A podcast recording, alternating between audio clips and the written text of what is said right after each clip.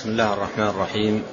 إن الحمد لله نحمده ونستعينه ونستغفره ونتوب إليه ونعوذ بالله من شرور أنفسنا وسيئات أعمالنا.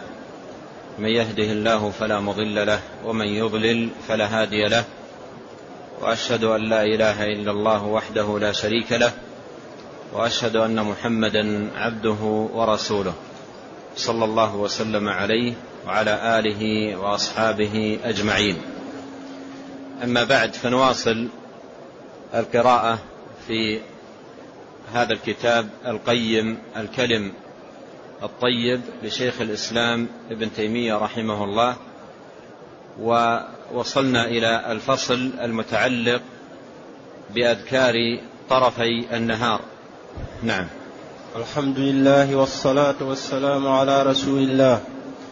قال المؤلف رحمه الله وقال عبد الله بن خبيب خرجنا في ليلة مطر وفي خرجنا في ليلة مطر وظلمة شديدة نطلب النبي صلى الله عليه وسلم ليسلي لنا فأدركناه فقال قل فلم أقل شيئا ثم قال قل فلم أقل شيئا قال قلت قال قل قلت يا رسول الله ما أقول؟ قال قل هو الله أحد والمؤوذتين حين تمسي وحين تصبح ثلاث مرات يكفيك من كل شيء.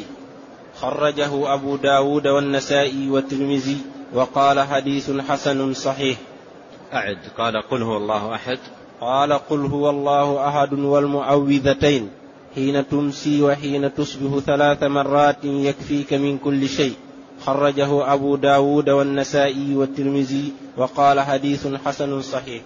أورد المصنف شيخ الإسلام ابن تيمية رحمه الله هنا هذا الحديث حديث عبد الله بن خبيب رضي الله عنه في قصة وخبر تعليم النبي صلى الله عليه وسلم له لأن يقرأ كل يوم ثلاث مرات إذا أصبح وثلاث مرات إذا أمسى قل هو الله أحد والمعوذتين.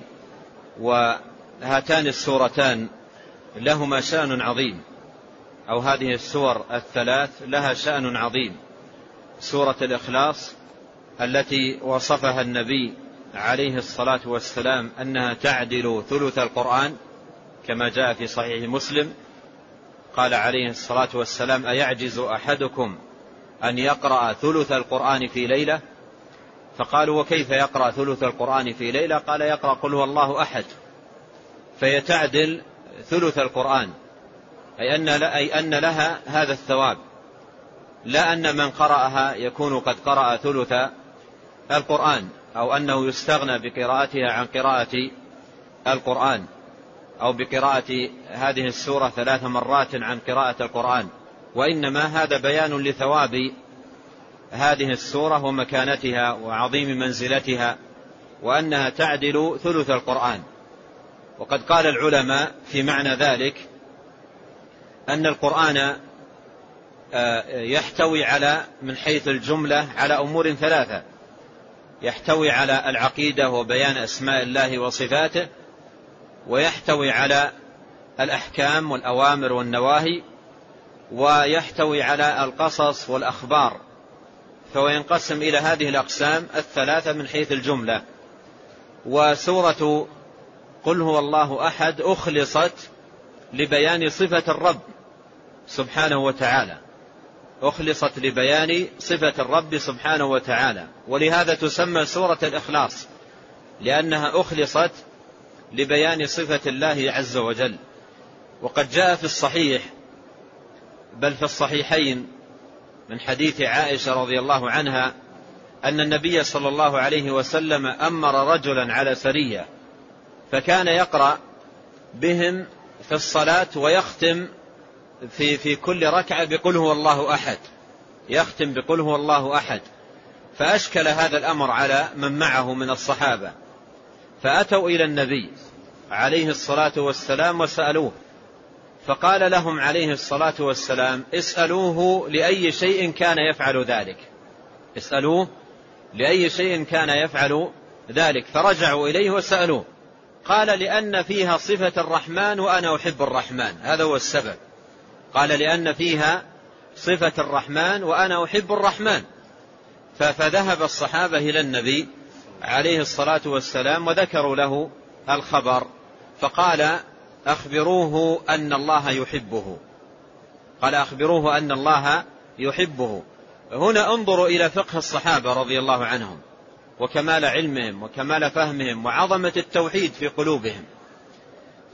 فها هو رضي الله عنه يقول لأن فيها صفة الرحمن وأنا أحب الرحمن. نحن نستفيد من هذا الحديث فائدة عظيمة وهي أهمية محبة صفات الله. الواردة في القرآن والسنة وأسماءه وأن نفرح بسماعها وتلاوتها وفهمها وتدبرها وأن نقوي إيماننا بحسن الصلة بمعرفة الله عز وجل ومعرفة أسمائه وصفاته. وقد قال بعض العلماء قديما من كان بالله أعرف كان منه أخوف ولعبادته أطلب وعن معصيته أبعد. أي أنك كلما ازددت معرفة بالله وأسماءه وصفاته وعظمته زاد إقبالك عليه سبحانه وتعالى وزادت محافظتك على طاعته وبعدك عن نواهيه عز وجل.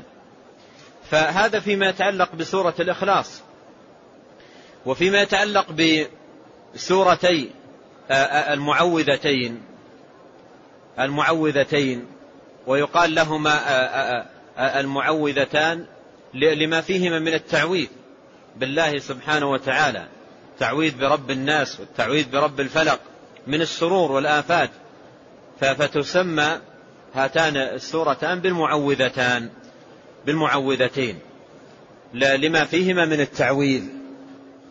وقد جاء في فضلهما ما ثبت في صحيح مسلم أن النبي عليه الصلاة والسلام قال لأحد أصحابه ألم ترى ما أنزل هذه الليلة لم أرى مثلهن وذكر هاتين السورتين أو كما قال عليه الصلاة والسلام.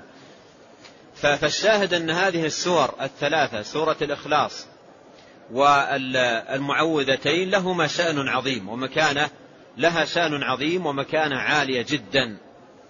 والمسلم يستحب له أن يحافظ على قراءة هذه السور الثلاث ثلاث مرات إذا أصبح وثلاث مرات إذا أمسى وقد أخبر النبي عليه الصلاة والسلام أن من حافظ على هذه القراءة يكفى كما سيأتي بيان ذلك.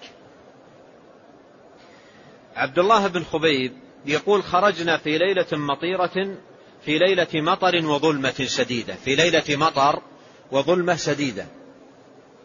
عادة الليلة إذا كانت مظلمة ظلمة شديدة ومطيرة. عادة يلحق بعض الناس في مثل في مثل تلك الليلة خوف. عادة يلحق بعض الناس مخاوف يتخوف من شرور من آفات تلحقه أو تصيبه أو جوائح أو, أو, أو, أو مصائب أو, أو, أي, أو أي شيء. عادة يلحق كثير من الناس شيء من المخاوف إذا كانت ليلة مظلمة وظلمتها شديدة وفي الوقت نفسه أيضا ليلة مطيرة. فيقول طلبنا النبي عليه الصلاة والسلام ليصلي لنا ليصلي لنا. ربما تكون الصلاة هذه التي أرادوها صلاة استصحى قد, قد تكون كذلك. فيقول طلبنا النبي عليه الصلاة والسلام ليصلي لنا أو قد تكون فزع إلى الصلاة كان إذا حزبه أمر فزع ففزع إلى الصلاة وقوله ليصلي لنا أي ليصلي بنا أي ليصلي بنا. طلبنا النبي صلى الله عليه وسلم ليصلي لنا. قال فأدركناه فأدركناه. وكان عليه الصلاة والسلام رحمة مهداة. صلى الله عليه وسلم. ويفتح أبواب الخير وأبواب الطمأنينة وأبواب اليسر وأبواب الراحة وأبواب زوال المخاوف. عليه الصلاة والسلام حتى دون دون أن يسأل ودون أن يطلب منه. وهذا من كمال نصحه صلى الله عليه وسلم وتمام بيانه. فقال النبي عليه الصلاة والسلام لعبد الله بن خبيب قل فلم أقل شيئا. وهذا أيضا أسلوب جميل في التعليم والتوجيه وتمكين الفائدة في القلب.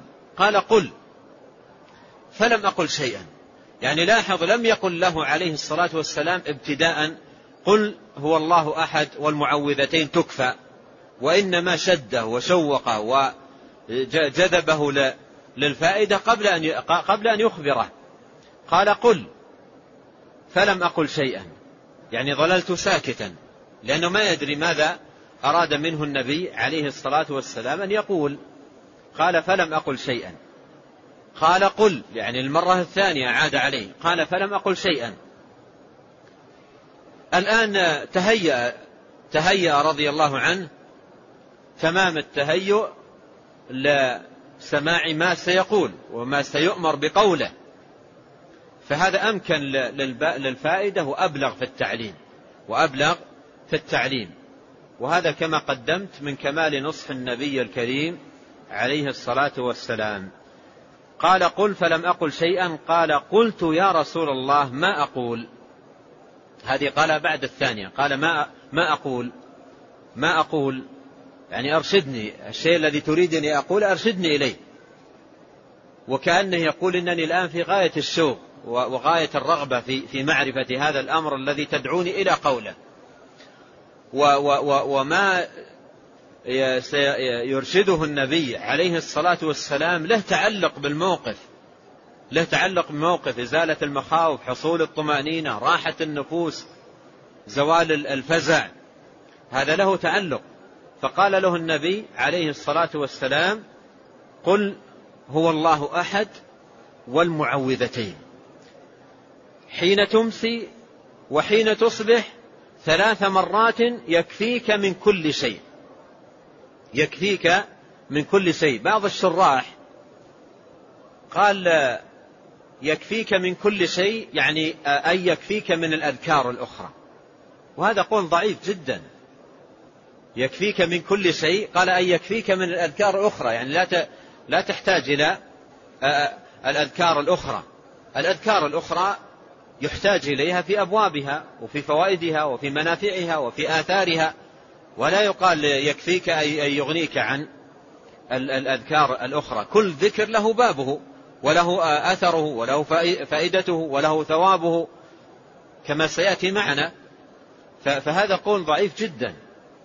لكن الصحيح أن قوله يكفيك من كل شيء يعني من كل شيء يؤذيك وتخافه من كل شر من شر الشياطين شر أحد يعتدي عليك شر مصيبة تصيبك أو بلاء أو نحو ذلك لم يخص النبي عليه الصلاة والسلام أمرا معينا وإنما قال من كل شيء. وشيء جاءت نكرة في هذا السياق فهي تعم. أي شيء كان تتخوف منه أو تخشى أن يصيبك أو أن يضرك قال يكفيك من كل شيء. فالمعنى أنها تكفيك بإذن الله تبارك وتعالى وتقيك من الآفات ومن الشرور ومن شرور الشياطين من الجوائح من المصائب من كل شيء. تكفيك من كل شيء. هي عامة وعلى إطلاقها. قال قل ثلاث مرات.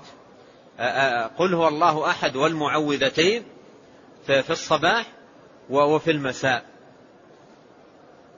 فأفاد الحديث أفاد الحديث أن هذه السور الثلاث يستحب للمسلم أن يقرأها ثلاث مرات إذا أصبح وثلاث مرات إذا أمسى والثمرة لهذه القراءة مبينة في هذا الحديث أنه يكفى يوقى يحفظ من الشرور من الآفات لا يصيبه شيء بإذن الله تبارك وتعالى لأنه محفوظ بحفظ الله عز وجل. من فوائد هذا الحديث أن التعليم بالمناسبة أمكن في تمكن الفائدة لدى المتلقي والسامع التعليم بالمناسبة. فهنا عبد الله بن خبيب في ليلة مطيرة وشديدة الظلمة وفي مثل هذه الليلة قد يحصل لكثير من الناس شيء من المخاوف أو الفزع أو نحو ذلك فالتعليم في المناسبة أمكن. ويتمكن من النفس ويثبت عند الإنسان أكثر مما لو كان كذلك. آه ثم هذه السور الثلاث. السورة الأولى التي هي سورة الإخلاص فيها صفة الرب.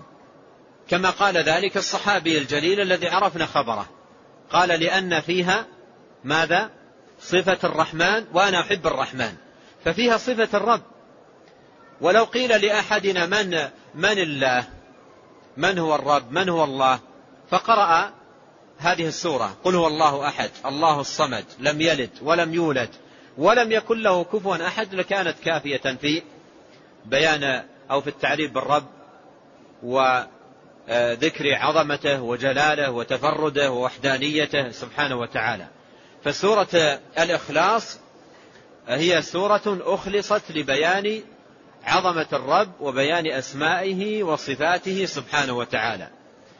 وسورتي وسورة المعوذتين فيهما التعويذ تعويذ الإنسان. وأبلغ ما يكون في التعويذ التعويذ بهاتين السورتين.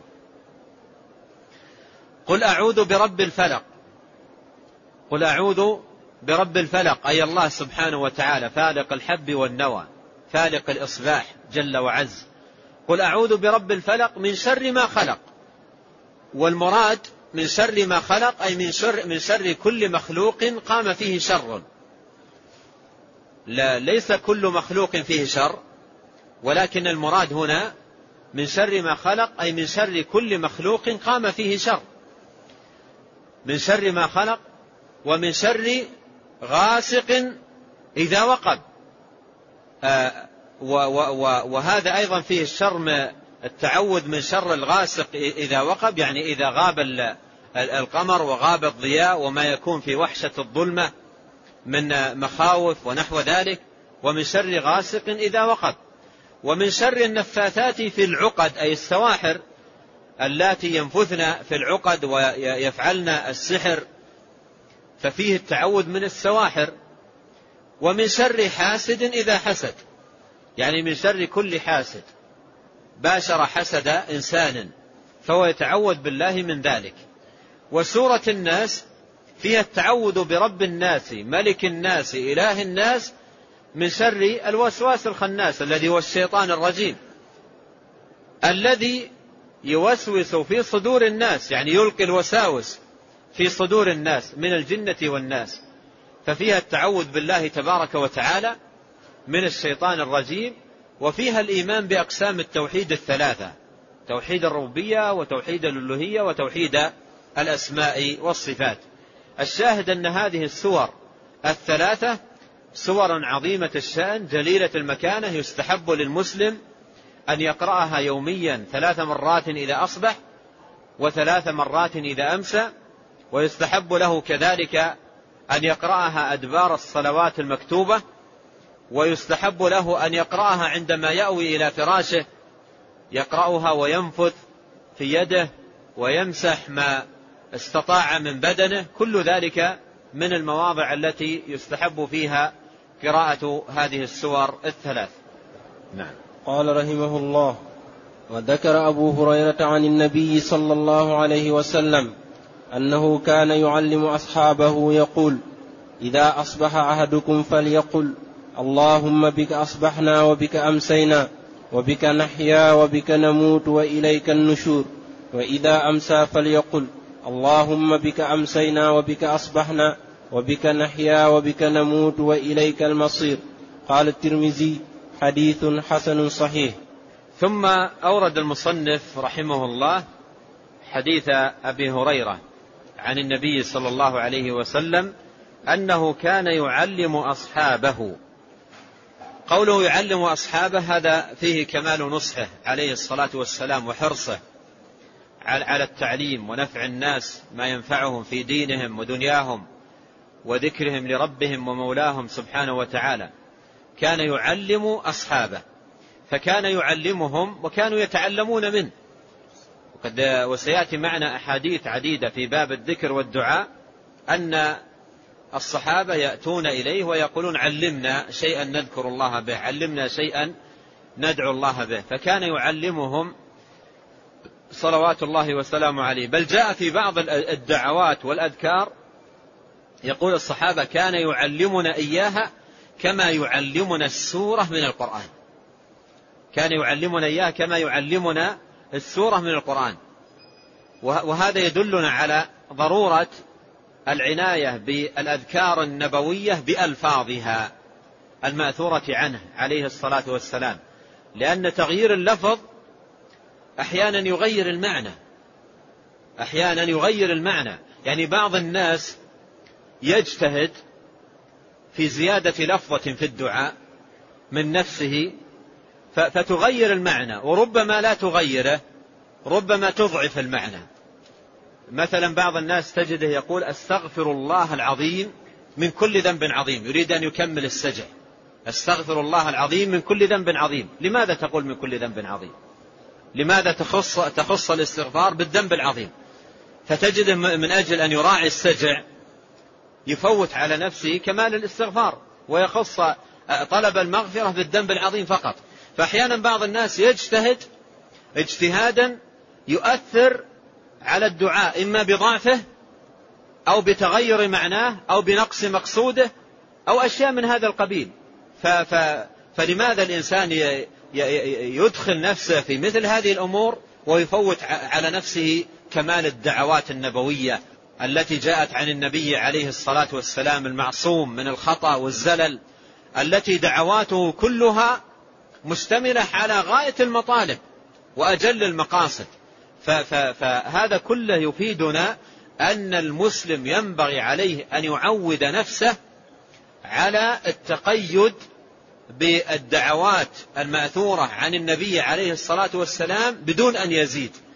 حتى لو دعتك نفسك لزيادة ترى أنها جميلة أو مفيدة أو حسنة دعها. فما صح عن النبي صلى الله عليه وسلم فيه كفاية وغنية وفيه التمام والكمال والوفاء. قال كان يعلم أصحابه يقول إذا أصبح أحدكم إذا أصبح أحدكم يعني إذا دخلت في وقت الصباح إذا دخلت في وقت الصباح فإذا أصبح أحدكم فليقل اللهم بك أصبحنا وبك أمسينا وبك نحيا وبك نموت وإليك النشور. بك أصبحنا وبك أمسينا. أي بمدك وعونك وفضلك ومنك. حصل لنا الإصباح وحصل لنا الإمساء. يعني لولا منك علينا بالإصباح ومنك علينا بالإمساء لما حصل لنا ذلك. فهي منتك علينا وتفضلك. مننت علينا وتفضلت.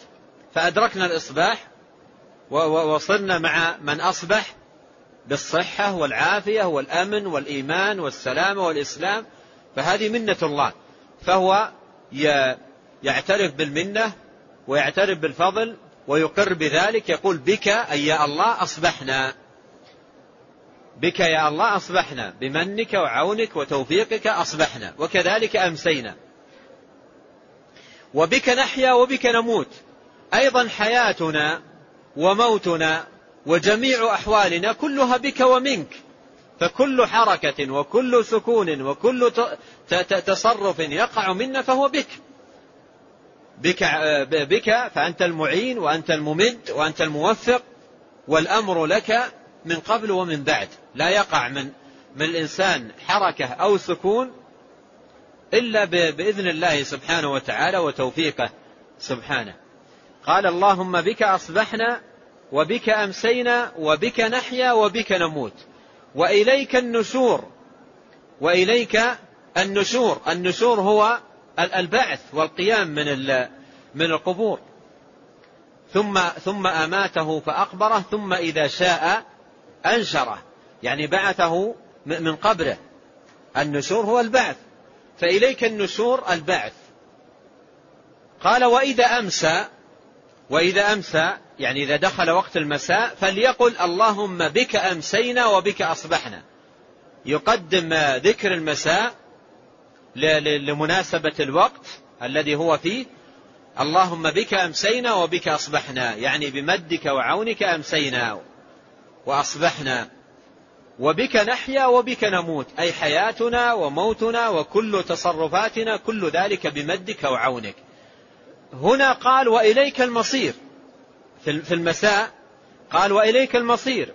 وفي الصباح قال إليك النشور قال العلماء راعى في الصباح مناسبة القومة من النوم. وفي المساء راعى الصيرورة إلى النوم. والقومة من النوم أشبه بالبعث من الموت. والنوم موت.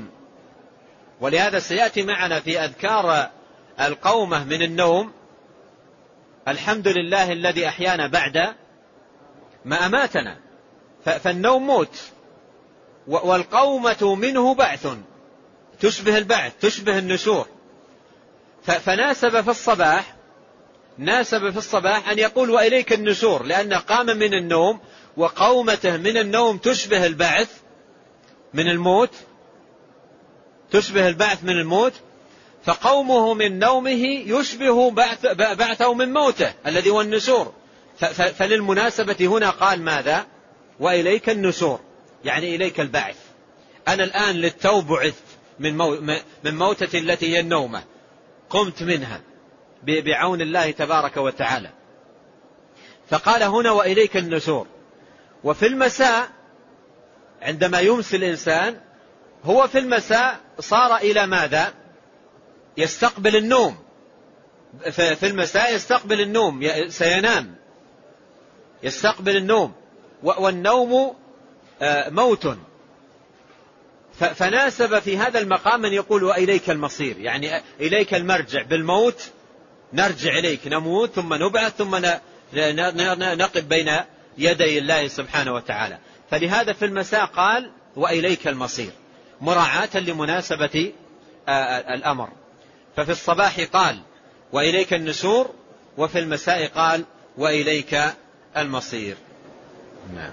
قال رحمه الله وعن شداد بن أوس رضي الله عنه عن النبي صلى الله عليه وسلم قال سيد الاستغفار اللهم أنت ربي لا إله إلا أنت خلقتني وأنا عبدك وأنا على عهدك ووعدك ما استطعت أعوذ بك من شر ما صنعت. أبوء لك بنعمتك علي وأبوء بذنبي. فاغفر لي فإنه لا يغفر الذنوب إلا أنت. من قالها حين يمسي فمات من ليلته دخل الجنة. ومن قالها حين يصبح فمات من يومه دخل الجنة. خرجه البخاري. ثم أورد رحمه الله هذا الحديث حديث شداد بن أوس رضي الله عنه عن النبي صلى الله عليه وسلم أنه قال سيد الاستغفار ثم ذكره.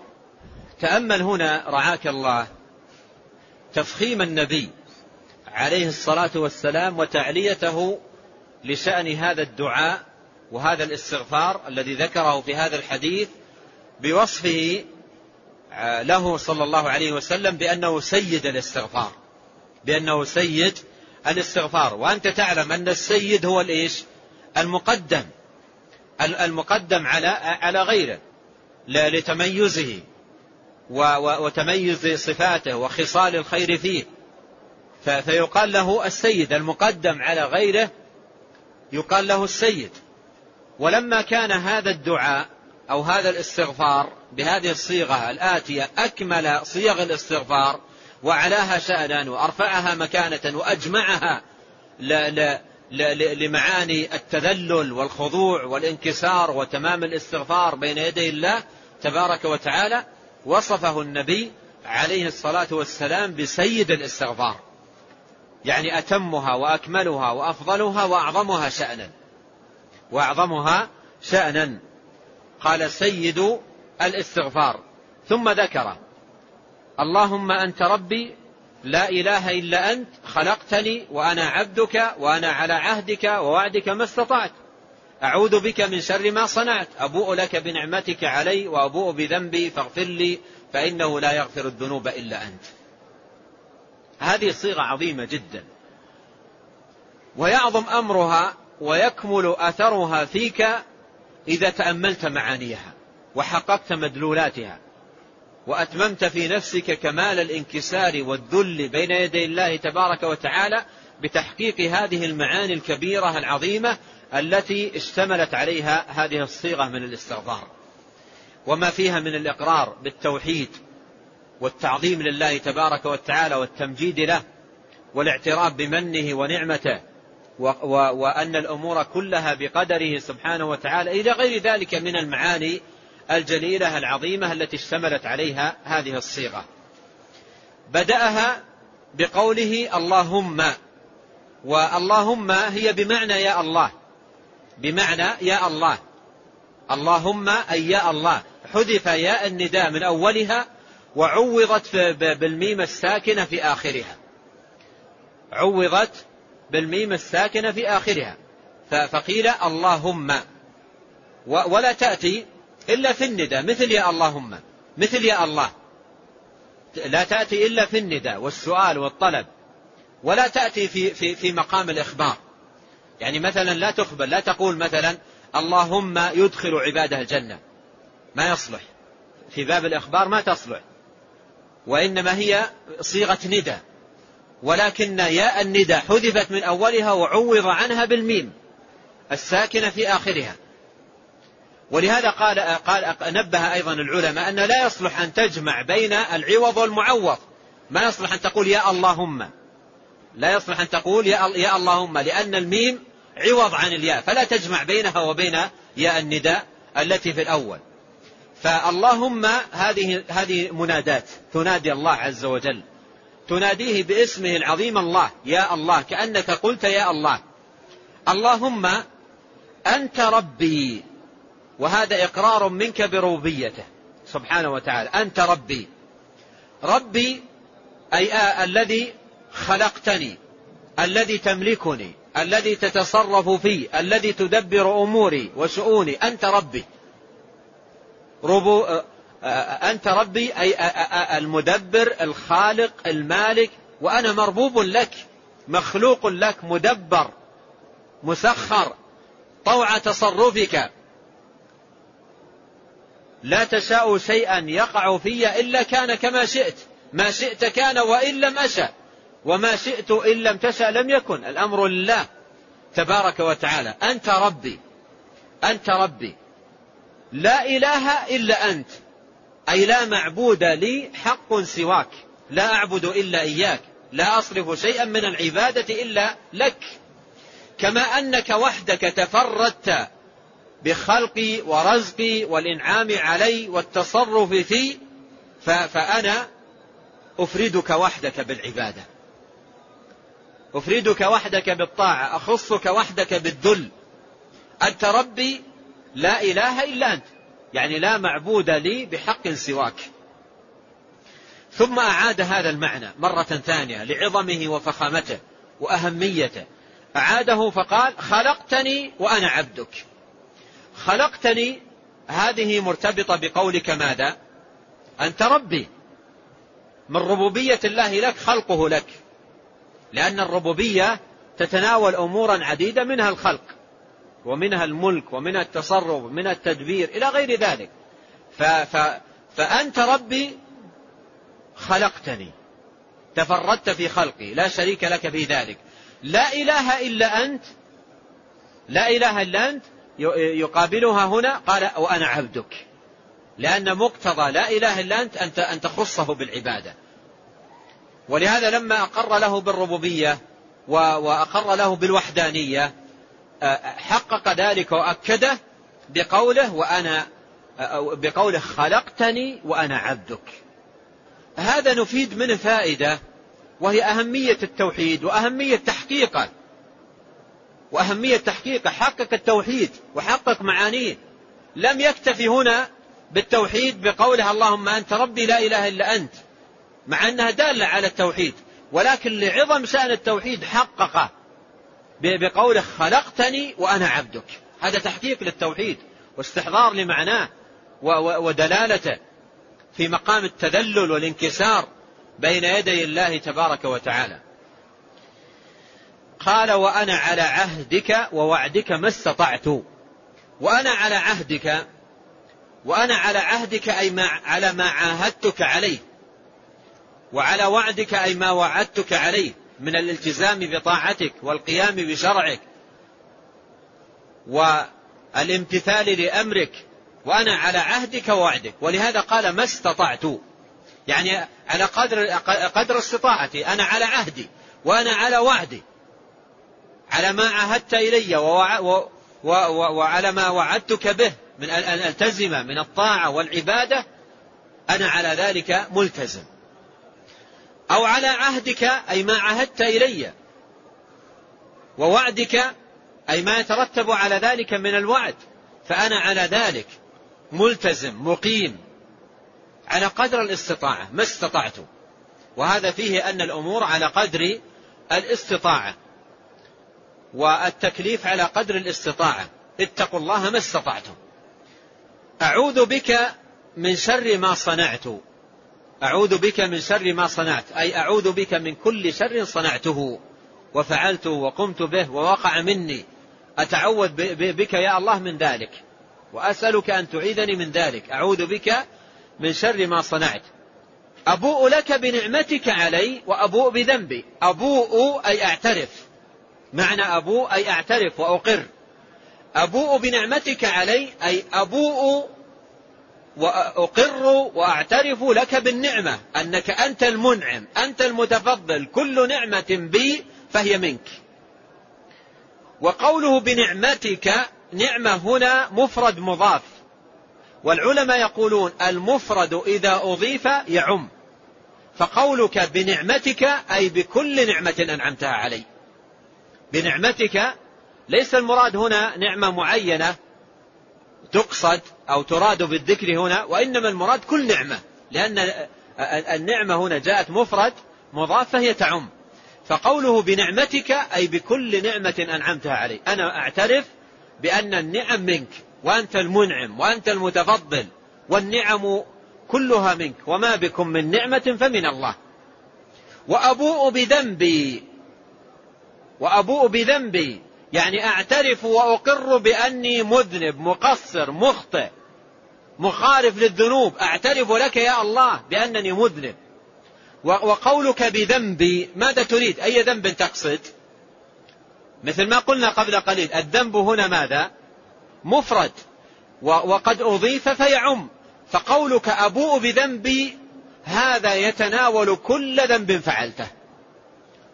وأبوء بذنبي أي بكل ذنب فعلته وكل خطأ اقترفته أعترف لك بأخطائي. يعني كأنك تقول أنا يا الله عبد كثير التقصير مخطئ عندي ذنوب كثيرة عندي خطايا عديدة أعترف يا ربي لك بذلك أبوء بذنبي.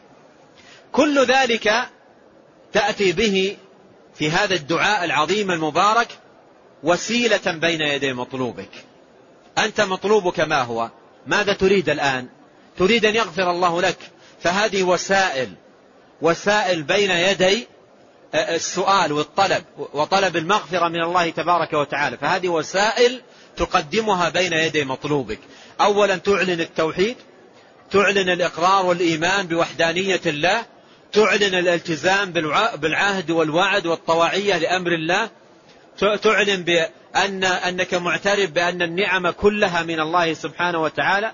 تعلن وتعترف بأنك عبد مذنب مقصر مقر بخطئك وتقصيرك.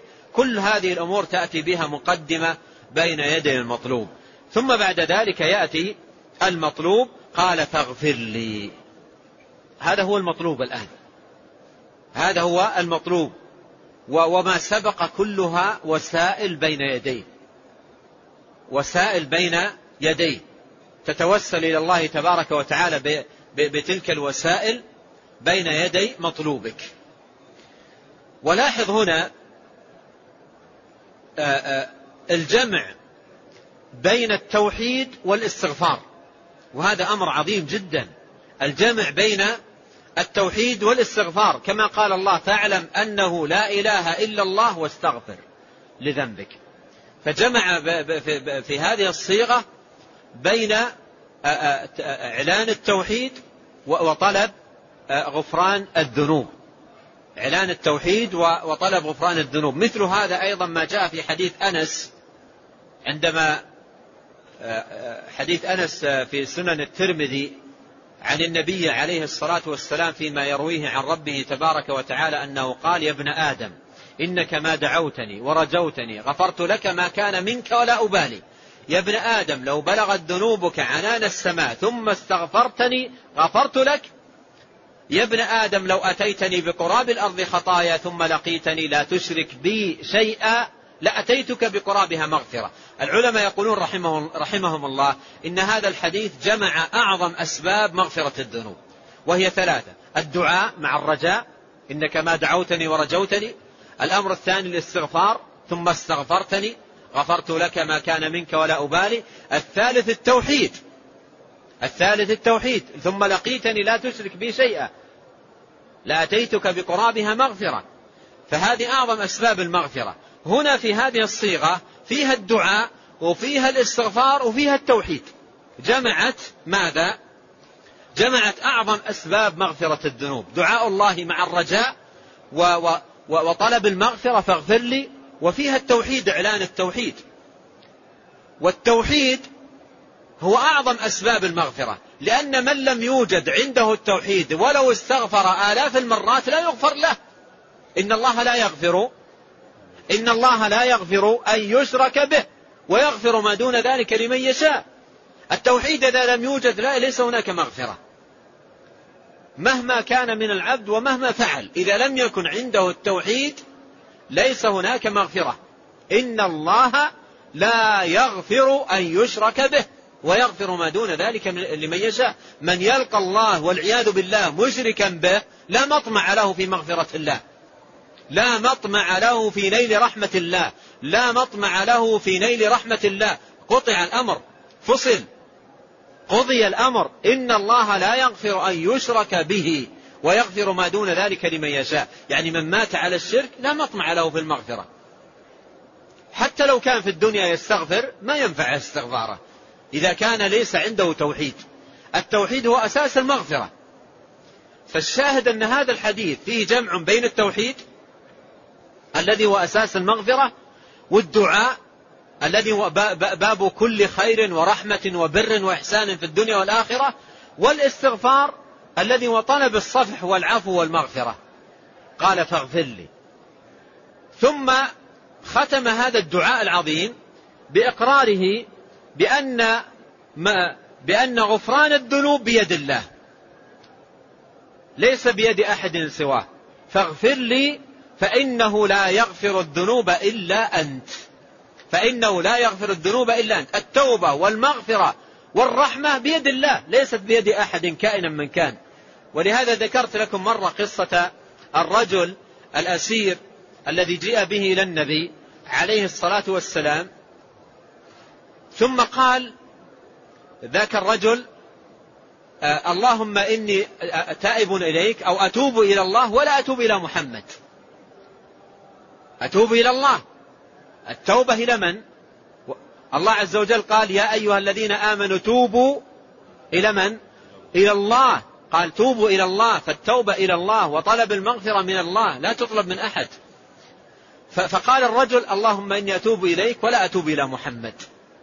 ماذا قال نبينا عليه الصلاة والسلام؟ قال عرف الحق لأهله. عرف الحق لأهله. التوبة لله عبادة. توبوا إلى الله فعرف الحق لأهله. فهنا فيه إقرار. قال لا يغفر الذنوب إلا أنت. فإنه لا يغفر الذنوب إلا أنت. يعني غفران الذنوب بيدك. التوبة بيدك. أنت الغفور أنت التواب أنت الرحيم. أنا أقر بذلك. ولهذا يلجأ العبد إلى الله سبحانه وتعالى مقرا معترفا بأن غفران ذنوبه بيد ربه سبحانه وتعالى. ثم لاحظ ملاحظة هنا. أن كل شيء بيد الله. كل شيء بيد الله. يعني كونك تستغفر هذا بيد الله. كونك توفق للتوبة وتستغفر هذا بيد الله. هو الذي يوفقك لأن تتوب. وهو الذي يوفقك لأن تستغفر. وهو الذي يتقبل منك توبتك واستغفارك سبحانه وتعالى. الكل بيده. ولهذا قال في القرآن ثم تاب عليهم ليتوبوا. تاب عليهم هذه توبة قبل توبتك. فلله عليك توبتان إذا وفقك للتوبة. توبة قبل توبتك وتوبة بعد توبتك. توبة قبل توبتك يوفقك بها للتوبة. وتوبة بعد توبتك يقبل بها ماذا؟ توبتك. فالأمر كله بيده سبحانه وتعالى. الأمر كله بيده. وأنت عبد مربوب مخلوق مدبر لا غنى لك عن ربك طرفة عين. ولا لحظة واحدة أنت بحاجة إليه لتتوب بحاجة إليه لتستغفر بحاجة إليه ليغفر لك بحاجة إليه ليرحمك. أنت بحاجة إليه من كل وجه. لا غنى لك عنه طرفة عين. ثم لما ذكر هذا الدعاء العظيم ختمه ببيان ثمرته وفائدته العظيمة وآثره المبارك لمن يحافظ عليه. نسأل الله التوفيق. قال من قالها حين يمسي يعني من قال هذه الكلمات ومن قال هذه الصيغة المباركة من قالها حين يمسي فمات من ليلته دخل الجنة. فمات من ليلته دخل الجنة. ومن قالها حين يصبح فمات من يومه دخل الجنة. يعني يعني قائل هذا الدعاء ليس بينه وبين الجنة إلا أن يموت. ليس بينه وبين الجنة إلا أن يموت. الحديث يدل على أن الجنة قريبة جدا. أن الجنة قريبة جدا جدا جدا. ليس بين العبد وبينها إلا أن يموت فقط.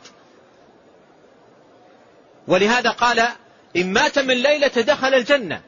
وهذا مثله يأتي في كثير من الدعوات والأذكار والأعمال الصالحة مثل ما قال عليه الصلاة والسلام في آية الكرسي. قال من قرأ آية الكرسي دبر كل صلاة مكتوبة لم يكن بينه وبين الجنة إلا أن يموت. فهذا يدل على أن الجنة قريبة جدا. ليس بين العبد وبينها إلا أن يموت. هذا كله يؤكد ضرورة وأهمية المحافظة على أمثال هذه الأذكار وهذه الدعوات العظيمة المأثورة عن نبينا الكريم صلوات الله وسلامه عليه. قال من قالها حين يمسي فمات من ليلته دخل الجنة. ومن قالها حين يصبح فمات من يومه دخل الجنة. من قالها جاء في بعض ألفاظ الحديث ولم يذكره المصنف من قالها موقنا. من قالها موقنا بها اشترط اليقين عليه الصلاة والسلام. وهذا يدلنا على أن أن من يقول أن أن من يقول هذه الألفاظ على قسمين. قسم يردد ألفاظ لا يدري ما هي وربما أنه أيضا ينقضها ويفعل ما يضادها وقسم يقولها عن يقين. وقسم يقولها عن يقين يعني عن علم وفهم و و و ويقين عدم شك وعدم تردد. فاشترط عليه الصلاة والسلام اليقين مثل ما قال في في, في الشهادة. قال أشهد أن لا إله إلا الله وأني رسول الله لا يلقى الله بهما عبد غير شاك فيهما إلا دخل الجنة. اشترط اليقين من أجل دخول الجنة. غير شاك فيهما. وفي وفي حديث آخر قال قال أشهد أن لا إله إلا الله وأني وأني عبد الله ورسوله. قال من قالها مستيقنا بها قلبه دخل الجنة. مستيقنا بها قلبه. اشترط اليقين. والله عز وجل في القرآن يقول إنما المؤمنون الذين آمنوا بالله ورسوله ثم لم يرتابوا أي أيقنوا ولم يشكوا. فهذه مسألة مهمة.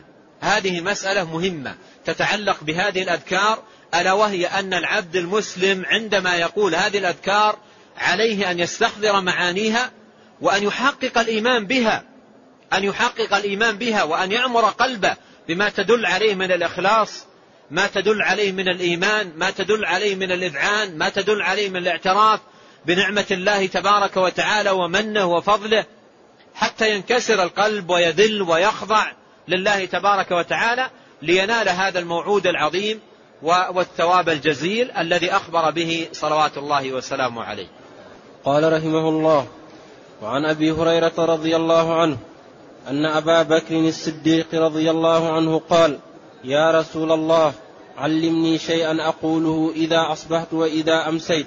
قال قل اللهم عالم الغيب والشهادة فاطر السماوات والأرض رب كل شيء ومليكه أشهد أن لا إله إلا أنت أعوذ بك من شر نفسي وشر الشيطان وشركه. وفي رواية وأن أقترف على نفسي سوءا أو أجره إلى مسلم قله إذا أصبحت وإذا أمسيت.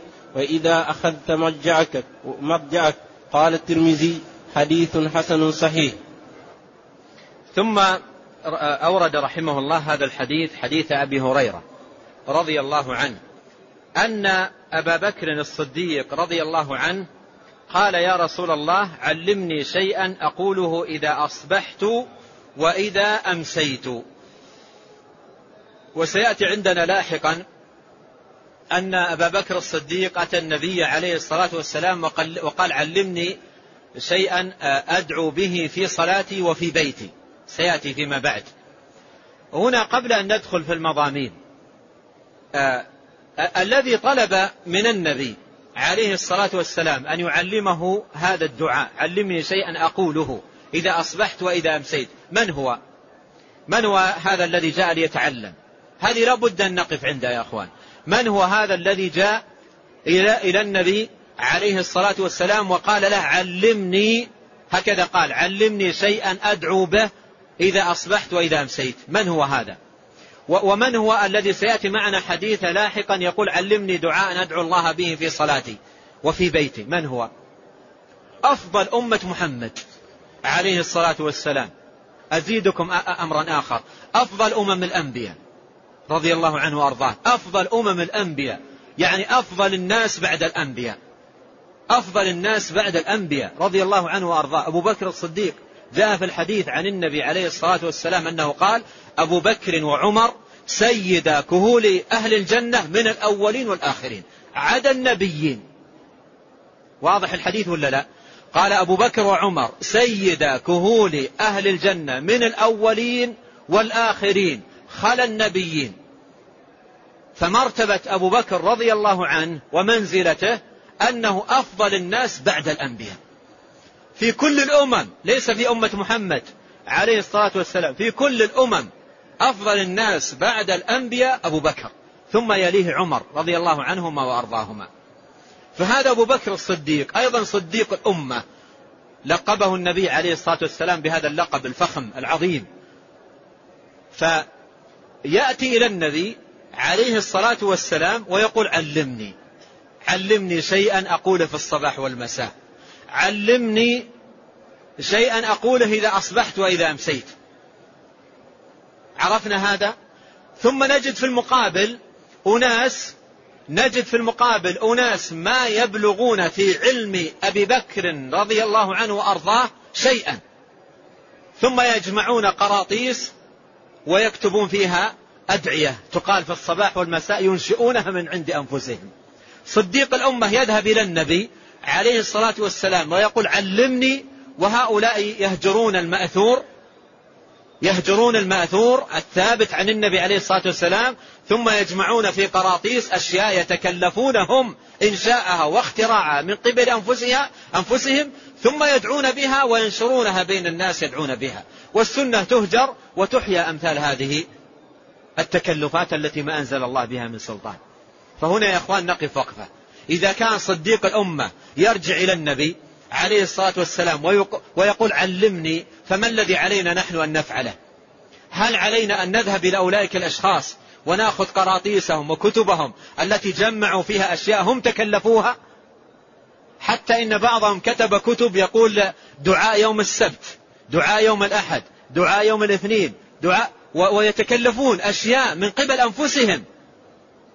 يا سبحان الله ثم يتركون أمثال هذا الخير وأمثال هذا العلم. لو كانت المسألة مسألة تكلف فأبو بكر أقدر رضي الله عنه. أقدر وأفقه وأعلم. ولم يكونوا أهل تكلف رضي الله عنهم وإنما كانوا أهل اقتفاء. يقول ابن مسعود في بيان وصف حال الصحابة يقول إنا نقتدي. ولا نبتدي ونتبع ولا نبتدع ولن نضل ما تمسكنا بالأثر. هذه حال الصحابة. يصفهم بها ابن مسعود رضي الله عنه وهو واحد منهم. يقول إنا نقتدي ولا نبتدي ونتبع ولا نبتدع ولن نضل ما تمسكنا بالأثر. فهذه فائدة مهمة. الأوراق والكتب التي فيها تكلفات وتنشأ ينشئها أقوام من قبل أنفسهم ويخترعونه هذه كلها تطرح جانبا. ونقبل على السنة. نقبل على السنة كما أقبل أبو بكر رضي الله عنه وكما أقبل عمر وكما أقبل الصحابة رضي الله عنهم. العباس عم النبي جاء إلى النبي عليه الصلاة والسلام وقال يا رسول الله علمني دعاء أدعو الله به. علمني دعاء أدعو الله به. فقال يا عباس سل الله العافية. فكأنه تقال لها جاء بعد أيام وقال يا رسول الله علمني دعاء أدعو الله به. قال يا عباس يا عم رسول الله سل الله العافية. علم نفس الدعاء. علي بن أبي طالب رضي الله عنه جاء في صحيح مسلم قال يا رسول الله علمني دعاء أدعو الله به. قال قل اللهم من يسألك الهدى والسداد. وفي رواية قال قل اللهم اهدني وسددني. الصحابة يتعلمون من النبي عليه الصلاة والسلام وكثير من الناس يذهبون إلى زيد وعبيد يأخذون من قراطيسهم وأوراقهم ثم يقرؤون ما كتبوه. ما يدريك عنه. هذا الذي كتب تلك القراطيس ليس بمعصوم. إنسان كثير الخطأ. عرضة للخطأ عرضة للزلل. أما دعوات النبي عليه الصلاة والسلام فصفته أنها معصومة ليس فيها خطأ. صفته أنها تامة ليس فيها نقص. صفته أنها مشتملة على كمال المطالب العالية والمقاصد النبيلة. فلماذا لا يقبل عليها الناس ويتجهون إلى تلك الكتب؟ الواجب يا إخوان الواجب يا إخوان الواجب يا إخوان أن تلك الكتب كلها تطرح تلقى جانبا. إذا لم ترى في الكتاب قال رسول الله صلى الله عليه وسلم وتبنى على السنة الصحيحة عن النبي عليه الصلاة والسلام فدعه عنك. وأقبل على السنة تغنم وتربح في دنياك وأخراك. ونسأل الله للجميع التوفيق. قال أن أبا بكر الصديق رضي الله عنه قال يا رسول الله علمني شيئا أقوله إذا أصبحت وإذا أمسيت قال قل اللهم عالم الغيب والشهادة فاطر السماوات والأرض رب كل شيء ومليك أشهد أن لا إله إلا أنت. هذه الجمل وسيلة بين يدي المطلوب والمطلوب تعوذ بالله عز وجل من الشرور. فبين يدي المطلوب توسل إلى الله عز وجل بهذه الوسائل. الأولى شمول علم الله وسعته. علمه تبارك وتعالى بكل شيء. اللهم عالم الغيب والشهادة. الغيب أي الأمور الغائبة عنا. أما في حق الله سبحانه وتعالى فالكل ماذا؟ الكل شهادة. الغيب في, في, في حقه شهادة والسر في حقه علانية لا تخفى عليه خافية. لكن قولنا نحن اللهم عالم الغيب يعني الغيب الذي في حقنا. الأمور الغائبة عنا أنت تعلمها. هي غائبة عنا وليست غائبة عنك. لا وما يعزب عن ربك من مثقال ذرة. فلا يغيب عنه شيء سبحانه وتعالى. لا يغيب عنه شيء. فقولك عالم الغيب يعني الشيء الغائب عنا نحن. أمور غائبة عنا كثيرة لكن علم الله محيط. عالم الغيب والشهادة. يعني يا من أحاط علمه بكل شيء. يا من تعلم ما كان وما سيكون وما لم يكن لو كان كيف يكون. يا من أحط بكل شيء علما أنت تتوسل بعلم الله وإحاطته. بكل شيء. بالدقيق والجليل الصغير الكبير الخفي المعلن السر العلاء. كل ذلك تتوسل إلى الله بعلمه به. عالم الغيب والشهادة. فاطر السماوات والأرض يعني مبدع السماوات والأرض وخالقهما من العدم وموجدهما بعد أن لم يكونا. خالق فاطر السماوات والأرض. رب كل شيء ومليكه. رب كل شيء. يعني يا من كل شيء تحت تصرفك وتدبيرك. أنت ربه خلقته أنت ربه. تملكه. أنت ربه تتصرف فيه. كل هذا من معاني الربوبية. رب كل شيء. ومليكه يعني المالك لكل شيء. كل ما في هذا الكون ملك لله. لا لله ما في السماوات وما في الأرض. كل ما في هذا الكون من ذرة من صغير من كبير كله ملك لله سبحانه وتعالى. رب كل شيء ومليكه أشهد أن لا إله إلا أنت. وهذه كلمة التوحيد. بعد أن ذكر ربوبية الله وإحاطة علمه سبحانه وتعالى أقر له بالوحدانية وشهد له بالوحدانية وأنه المعبود بحق ولا معبود بحق سواه. قال أشهد أن لا إله إلا أنت. لاحظ هنا اجتمع لك في هذه الجمل أنواع التوحيد الثلاثة. توحيد, الربوب توحيد الأسماء والصفات في قولك عالم الغيب والشهادة. الربوبية في قولك فاطر السماوات والأرض رب كل شيء ومليكه. الألوهية في قولك أشهد أن لا إله إلا أنت. فجاءت أقسام التوحيد الثلاثة مقدمة بين يدي مطلوبك. المطلوب ما هو؟ قال أعوذ بك من شر نفسي وشر الشيطان وشركه. وشر الشيطان وشر وشركه. لفظان أو, أو روايتان للحديث. يأتي معناهما. فقال أعوذ بك. ومعنى أعوذ أي أعتصم وألتجئ إليك يا الله أن تحميني وأن تقيني. من ماذا؟ ذكر أولا شر النفس. أعوذ بك من شر نفسي. وذكر ثانيا شر الشيطان وشركه. فتعوذ من أمرين. الأول شر النفس والثاني شر الشيطان. وهنا تعوذ بالله تبارك وتعالى من مصدري الشر. الشر الذي يقع له مصدران. ما هما؟ الأول النفس الأمارة بالسوء النفس الخبيثة التي تأمر صاحبها بالسوء هذا منبع للشر. والمنبع الثاني للشر الشيطان. الشيطان يؤز الإنسان إلى الشر أزا ويدفعه إليه دفعا. وقل لعبادي يقولوا التي أحسن إن الشيطان ينزغ بينهم. الشيطان مصدر من مصادر الشر التي تنبع في الإنسان. فهنا تعوذ بالله تبارك وتعالى من مصدري الشر وهما شر النفس وشر الشيطان. قال أعوذ بك من شر نفسي وشر الشيطان وشركه. وشركه أي ما يدعو إليه من الشرك. وشركه أي ما يدعو إليه من الشرك. الرواية الثانية وشركه أي ومصائده الشرك هو الحبالة والمصيدة. الشيطان عنده حبالات ومصائد. مصائد يصطاد وفخوخ يصطاد بها الناس. يضلهم بها عن سواء السبيل يضعها لهم في طريقهم ليصرفهم عن الجادة. فقوله وشركه أي المصائد التي وضعها الشيطان في طريق المؤمن ليصرفه بها عن الجادة. ولهذا سمى ابن القيم رحمة الله عليه كتابه إغاثة اللهفان من مصائد الشيطان المصائد هي الشرك والحبالات التي يضعها الشيطان ليصرف بها الناس عن عن الجادة. قال وأعوذ بك من شر الشيطان من شر نفسي وشر الشيطان وشركه أو وشر الشيطان وشركه آه ثم قال وفي رواية وهي ثابتة وأن أقترف على نفسي سوءا أو أجره إلى مسلم. قوله أجر آه أن أقترف على نفسي سوءا أو أجره إلى مسلم هنا نتيجة الشر النابع من النفس أو الشر الصادر من الشيطان ينشأ عن هذين الشرين أو عن هذين المصدرين للشر نتيجتان. نتيجتان. هما أن تجر على نفسك سوءا أن تقترف على نفسك سوءا أو تجره إلى مسلم. هذه النتيجة.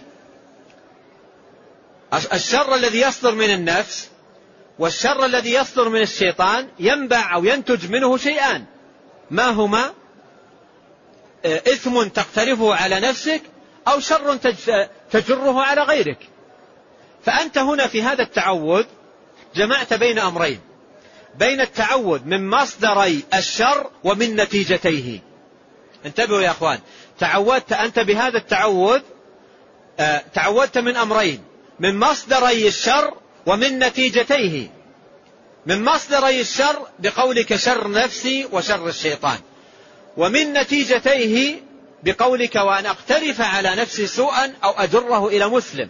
لأن إذا, إذا صدر الشر من النفس وصدر الشر من, من, من الشيطان نتج عنه إحدى نتيجتين هما أن تقترف على نفسك سوءا أو تجره على الآخرين.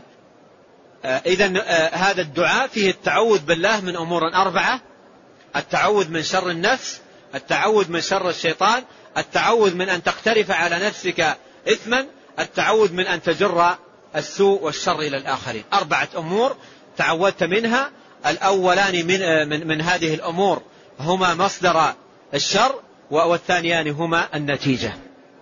قال النبي عليه الصلاة والسلام لأبي بكر لما علم هذا الدعاء قله إذا أصبحت وإذا أمسيت وإذا أخذت مضجعك زاده هذه الثالثة. زاده هذه الثالثة. أبو بكر قال أريد شيئا أقوله إذا أصبحت وإذا أمسيت. فالنبي عليه الصلاة والسلام علمه هذا الدعاء وقال قله إذا أصبحت وقله إذا أمسيت وقله إذا أخذت مضجعك إذا السنة في هذا الدعاء أن نقوله ثلاث مرات. أن نقوله ثلاث مرات. مرة في الصباح مع مع أذكار الصباح. ومرة في المساء مع أذكار المساء. والمرة الثالثة عندما يأخذ الإنسان مضجعه لينام يأتي بهذه الدعوات العظيمة. والله تعالى أعلم وصلى الله وسلم على نبينا محمد.